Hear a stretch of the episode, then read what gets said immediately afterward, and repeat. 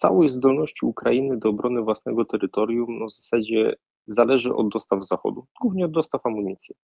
I tak długo jak te dostawy amunicji na Ukrainę będą docierać, nieważne czy ze Stanów Zjednoczonych, czy z Unii Europejskiej, czy z krajów trzecich, tak długo Ukraina będzie mogła skutecznie się bronić przed Rosjanami i tak długo nie będziemy widzieli jakichś znaczących zwycięstw rosyjskich na froncie, przy czym jeszcze raz podkreślam, warstwa militarna niekoniecznie ma przełożenie na warstwę polityczną, a to z tego poziomu oceniamy, czy ktoś wygrał, czy przegrał wojnę. Ten rosyjski y, przemysł jest y, chyba w całości nastawiony na, na zbrojenie. I czy y, ten szeroko pojęty Zachód jest w stanie dostarczyć tyle broni, żeby sprostać wyzwaniu, jakim jest właśnie ten przemysł Rosji nastawiony na zbrojenia?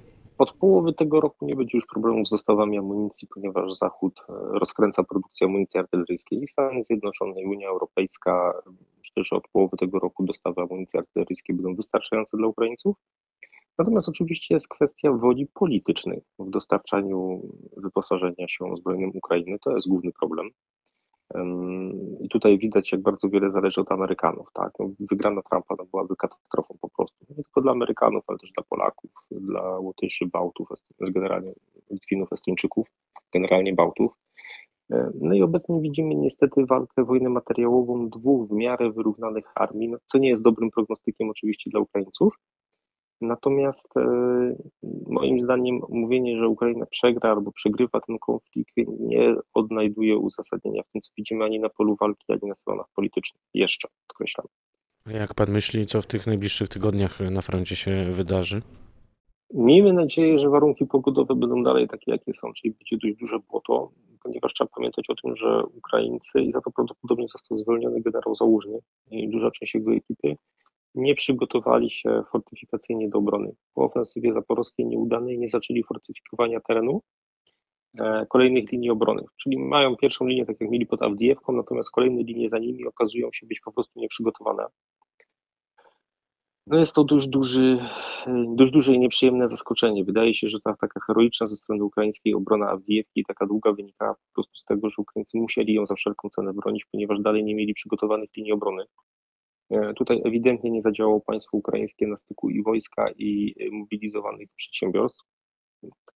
Natomiast mm, to, czego bym ja osobiście się ewentualnie obawiał w perspektywie pół roku, to prób rosyjskich otwarcia jakiegoś innego kierunku strategicznego. Czernichów, Sumy, Charków. Czyli uderzenia z zupełnie innej strony e, na państwo ukraińskie ponownie. No i obawiałbym się sytuacji, w której wyczerpałyby się dostawy amunicji na Ukrainę, ponieważ w przypadku braku dostaw amunicji na Ukrainę Ukraińcy mają mniej więcej pół roku zapasów.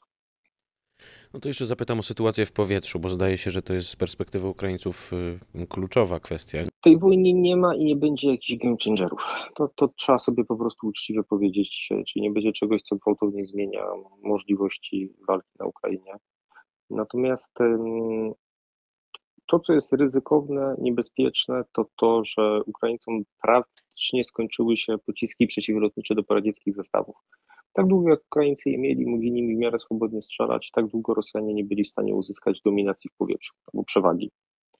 E, no niestety ta amunicja e, do rakiet, e, ta amunicja ziemia-powietrze zaczęła się kończyć Ukraińcom. No i teraz znowuż zdolności ukraińskiej obrony przeciwlotniczej w zasadzie w większości spływają, spoczywają na dostarczonych zachodu zestawach przeciwlotniczych, tylko tych jest za mało. Ich jest dużo mniej niż było zestawów poradzieckich na Ukrainie. Jeszcze tylko chciałem zapytać o te poradzieckie e, pociski do systemów e, przeciwpowietrznych.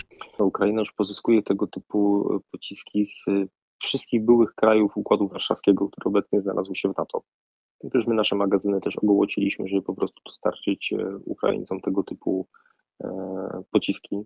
E, są one również skupowane od wszystkich możliwych krajów, które dostały mm, tego typu systemy jeszcze w dawnych latach. To mogą być kraje afrykańskie, kraje Bliskiego Wschodu, Indie, Pakistan, Wietnam. Natomiast no, jest to potwornie drogie, ponieważ e, obecnie tego typu rakiety kosztują na raz kilka tysięcy procent więcej niż kosztowały przed wybuchem wojny. Natomiast jest jeszcze możliwość pozyskiwania, tylko ona już się powoli kończy, ponieważ ci, którzy byli skłonni sprzedać swoje zapasy za bajońskie sumy, no to już to zrobili w zeszłym roku.